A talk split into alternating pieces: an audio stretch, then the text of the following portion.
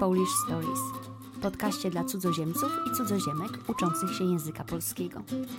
Jeśli kochasz książki, filmy, seriale telewizyjne i opowieści o ciekawych ludziach, zapraszam. To miejsce jest właśnie dla Ciebie. Cześć, jestem Gosia i zanim zaczniemy ten odcinek, chciałabym zaprosić Cię do Language TV Club, gdzie już w marcu będziemy rozmawiać o polskim serialu. Jeśli nie znasz jeszcze Language TV Club, to koniecznie o tym poczytaj. Link do strony internetowej znajdziesz w opisie odcinka. To miejsce spotkań online, gdzie prowadzone są kilkutygodniowe kursy konwersacyjne. Tym się różnią od innych konwersacji, że rozmawiamy tu o serialach, które można obejrzeć na Netflixie. Przed każdym spotkaniem masz do obejrzenia jeden lub dwa odcinki, do których dostajesz materiały, pytania do dyskusji i słowniczek. A potem spotykamy się w grupie na półtorej godziny i rozmawiamy. To lekcja języka, która wygląda jak spotkanie w gronie dobrych znajomych. Najpopularniejsze języki w Language TV Club to hiszpański, włoski, francuski i niemiecki, które powtarzają się co dwa miesiące. Oczywiście za każdym razem z innym serialem, ale co jakiś czas jest również polski, który ja mam przyjemność prowadzić. 25 lutego startujemy z czwartą edycją. Poprzednio rozmawialiśmy o dwóch sezonach serialu Royst i o pierwszym sezonie serialu Znaki, a tym razem obejrzymy pierwszy sezon komedii kryminalnej Gang Zielonej Rękawiczki. Trailer tego przeuroczego serialu znajdziesz w opisie odcinka. Kiedy nagrywam ten odcinek 27 stycznia, zapisy na polski Language TV Club nie są jeszcze otwarte, ale zostawiam link do strony, gdzie się niebawem pojawią. A jeśli chcesz mieć pewność, że nie przegapisz, na mojej stronie www.polishstories.net znajdziesz formularz, gdzie możesz zostawić swój adres mailowy. Wyślę Ci informacje, kiedy tylko zapisy będą otwarte. A teraz zapraszam na odcinek 13 Fryderyk Chopin. Witam Cię w drugim sezonie Polish Stories, podcastu dla osób uczących się języka polskiego i zainteresowanych współczesną polską kulturą. To pięcioodcinkowy mini sezon, w którym opowiadam o pięciorgu Polakach, których pewnie znasz, ale może nie wiesz, że byli Polakami. W poprzednim odcinku opowiadałam o Józefie Konradzie, czyli Józefie Konradzie Korzeniowskim, pisarzu uważanym za jednego z największych twórców literatury anglojęzycznej, który był Polakiem i angielskiego nauczył się już jako dorosły człowiek. Dzisiaj opowiem Ci o sławnym na całym świecie kompozytorze, który w przeciwieństwie do dwojga moich poprzednich bohaterów jest na ogół znany i opisywany jako Polak, mimo swego francuskiego nazwiska. A skąd miał to francuskie nazwisko? Ano stąd, że tak naprawdę był pół Polakiem, pół Francuzem. Jego matka pochodziła z Polski, a ojciec z Francji. Człowiek ten nazywał się Fryderyk Chopin i urodził się w 1810 roku w Żelazowej Woli, małej wsi niedaleko Warszawy. Do dziś znajduje się tam dworek, w którym mieszkała rodzina Chopina i w którym teraz oczywiście jest Muzeum Kompozytora.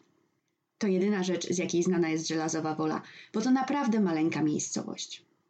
Fryderyk był synem Polki Justyny Krzyżanowskiej i Francuza, który nazywał się Nicolas Chopin, choć w Polsce znany był głównie pod spolszczonym imieniem Mikołaj. Mikołaj Chopin przyjechał do Polski jako nastolatek. Zakochał się w tym kraju i już został. Szczególnie, że poznał Justynę, z którą łączyła go pasja do muzyki. Justyna śpiewała i grała na fortepianie, a Mikołaj na flecie i skrzypcach. Poza tym Mikołaj pracował jako nauczyciel francuskiego, który w XIX wieku był bardzo modnym językiem wśród polskiej arystokracji. Państwo Chopinowie mieli czworo dzieci, trzy córki, Ludwikę, Izabelę i Emilię i syna Fryderyka. Kilka miesięcy po narodzinach Fryderyka przeprowadzili się z Żelazowej Woli do Warszawy, gdzie Mikołaj znalazł pracę jako nauczyciel francuskiego w liceum. W tej rodzinie edukacja, szczególnie ta muzyczna, była bardzo ważna. Mały Fryderyk zaczął się uczyć gry na fortepianie już jako czterolatek. Najpierw pod okiem matki, a potem prywatnych nauczycieli, którzy szybko odkryli, że mają do czynienia z geniuszem muzycznym. Nim skończył 7 lat, Fryderyk już zdążył skomponować kilka niewielkich utworów.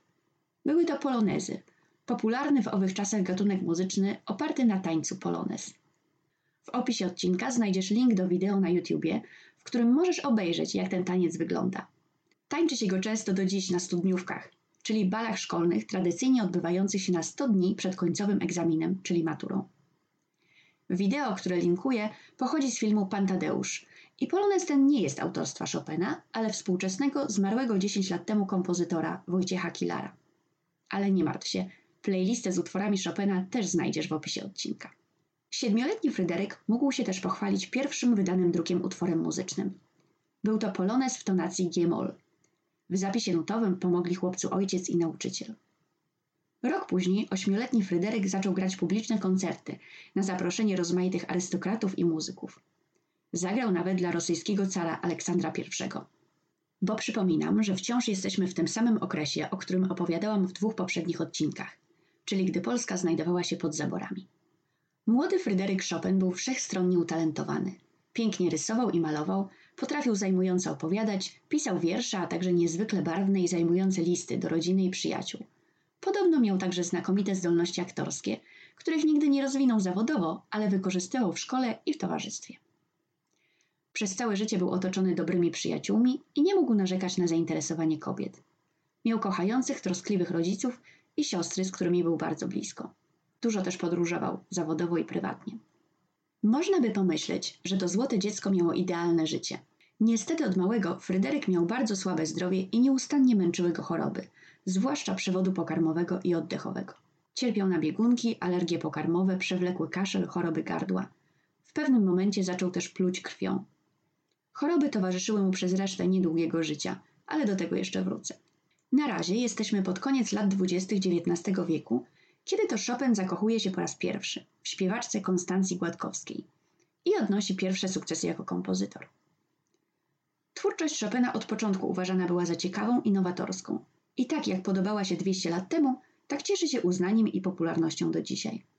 Fryderykowi Chopinowi udało się stworzyć naprawdę ponadczasową muzykę.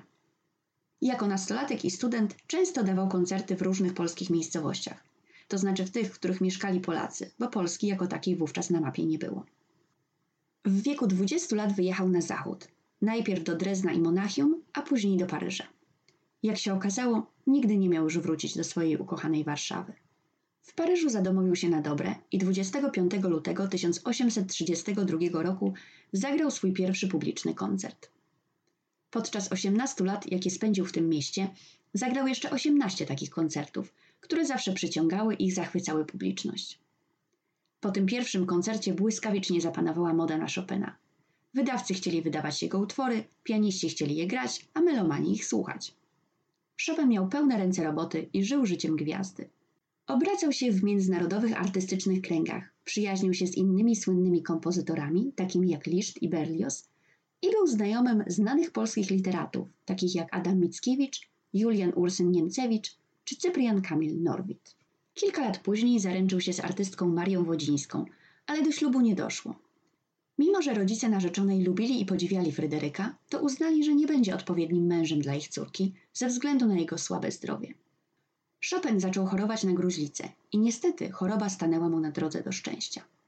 Wkrótce, w 1837 roku, Fryderyk poznał kobietę, z którą kojarzony jest najczęściej francuską pisarkę Georges Sand. Georges Sand była niezwykle barwną i ciekawą postacią, kobietą samodzielną, zdecydowaną i w owych czasach kontrowersyjną.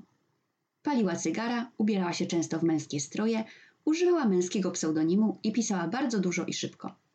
Wydała aż 107 opowiadań i powieści. Była w separacji z mężem i sama wychowywała trójkę dzieci, dwoje własnych i adoptowaną córkę. Gdy związała się z Chopinem, ten zamieszkał z nią i jej rodziną, która nie była zbyt zgodna i bez tego. Gdy w ich domu pojawił się kochanek matki, który jako mężczyzna stał się niejako głową rodziny, konflikty między Georges Saint a jej dziećmi zaczęły narastać jeszcze bardziej. Georges w końcu rzuciła Fryderyka po dziewięciu latach związku, gdy w konflikcie między Georges a jej córką Solange Chopin stanął po stronie córki swojej partnerki. Przez te dziewięć lat stanowili jednak ciekawą i na swój sposób dobraną parę – byli też popularni w towarzystwie. Po rozstaniu z Georgesem Chopin zaczął jeszcze bardziej podupadać na zdrowiu. Cierpiał też na depresję. Miał zaledwie 38 lat, a był już bardzo schorowany. Wyjechał na turnę koncertowe po Anglii i Szkocji, które zorganizowała jego była uczennica, Jane Sterling, która też, nawiasem mówiąc, była w nim zakochana i nawet proponowała mu małżeństwo. Chopin odrzucił jednak jej uczucia i w listach do przyjaciół pisał, że opiekuńczość Jane działa mu na nerwy. 16 listopada 1848 roku Fryderyk Chopin zagrał swój ostatni koncert w życiu w sali koncertowej Guildhall w Londynie. Po powrocie do Paryża czuł się już tylko gorzej. Przeżył jeszcze tylko 11 miesięcy. Zmarł w październiku 1849 roku w otoczeniu bliskich mu osób, m.in. swojej siostry Ludwiki, która przyjechała do Paryża na wieść o fatalnym stanie zdrowia ukochanego brata. Zgodnie z życzeniem umierającego kompozytora, po jego śmierci wykonano sekcję zwłok i wyjęto mu serce, które Ludwika przemyciła do Warszawy umieszczone w słoiku z alkoholem. Chopin bardzo chciał, żeby jego serce wróciło do Polski. Resztę ciała artysty pochowano na paryskim cmentarzu Père Lachaise. I o ile grób w Paryżu pozostaje nienaruszony od 1849 roku, o tyle serce w słoju przemieszczało się dosyć intensywnie. Najpierw Ludwika trzymała je potajemnie w domu. Potem przekazała księżom z kościoła Świętego Krzyża w Warszawie. Pojemnik z sercem stał w kościele, ale dopiero 30 lat później został wmurowany w ścianę i opatrzony odpowiednią tablicą. Ale to nie koniec. Gdy 64 lata później, w 1944 roku, podczas II wojny światowej wybuchło powstanie warszawskie, wokół znajdującego się w centrum miasta kościoła toczyły się zacięte walki. Niemiecki kapelan namówił księży, by wyjęli serce Chopina ze ściany i przekazali Niemcom, by uchronić je przed potencjalnym zniszczeniem.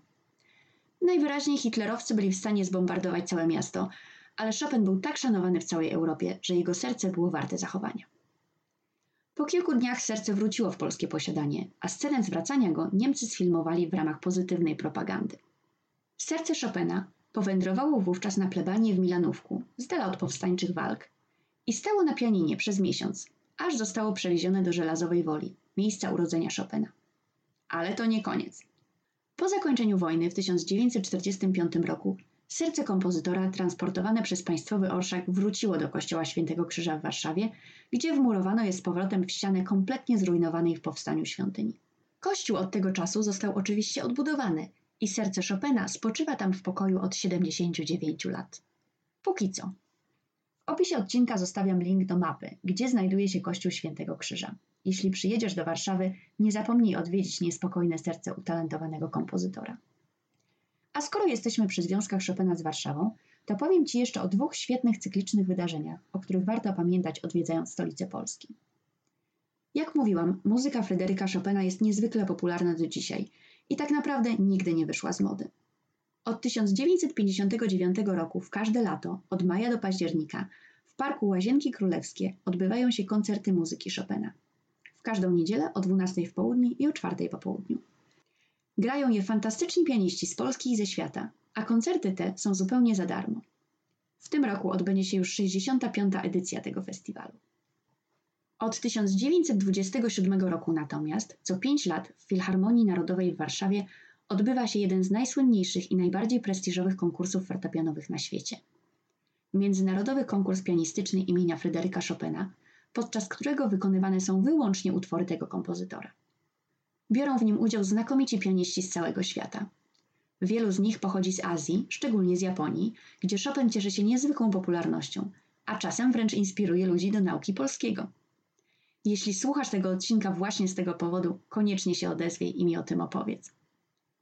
Na koniec chciałabym jeszcze wrócić do kwestii słabego zdrowia Fryderyka Chopina. Za życia u kompozytora zdiagnozowano gruźlicę. Na nią był leczony i to właśnie gruźlicę wpisano w dokumenty jako przyczynę zgonu. Do dzisiaj badacze medycyny spekulują jednak, że Chopin chorował prawdopodobnie na coś innego. Wprawdzie nie zachował się protokół z sekcji zwłok, ale na podstawie innych zapisków z dużym prawdopodobieństwem wydaje się, że kompozytor od urodzenia cierpiał na mukowiscydozę. Być może tę wrodzoną chorobę miała też jego młodsza siostra Emilia, która również od dziecka była słabego zdrowia i zmarła w wieku 14 lat z powodu silnego krwotoku. Są też inne teorie, ale mukowiscydoza zdaje się najbardziej wiarygodna. Możliwe, że przy obecnym poziomie medycyny udałoby się to jednoznacznie stwierdzić, gdyby można było zbadać zachowane tkanki. Tak, dobrze myślisz. Serce Chopina. Jak na razie nie ma zgody na jego kolejną ekshumację, więc badacze tylko spekulują. Ale być może pewnego dnia serce Fryderyka Chopina znów zostanie wyjęte z kościelnej ściany i położone na stole sekcyjnym. To już wszystko na dzisiaj, a w następnym odcinku opowiem Ci o poecie, który był znajomym Chopina i jego nazwisko padło już w tym odcinku. Polacy uważają go za Polaka, a Litwini za Litwina. Być może dlatego, że w swoim sercu i przekonaniu był jednym i drugim. Dziękuję, że tu ze mną jesteś i mam nadzieję, że zostaniesz na dłużej. Pamiętaj, by zasubskrybować Polish Stories w swojej ulubionej aplikacji podcastowej.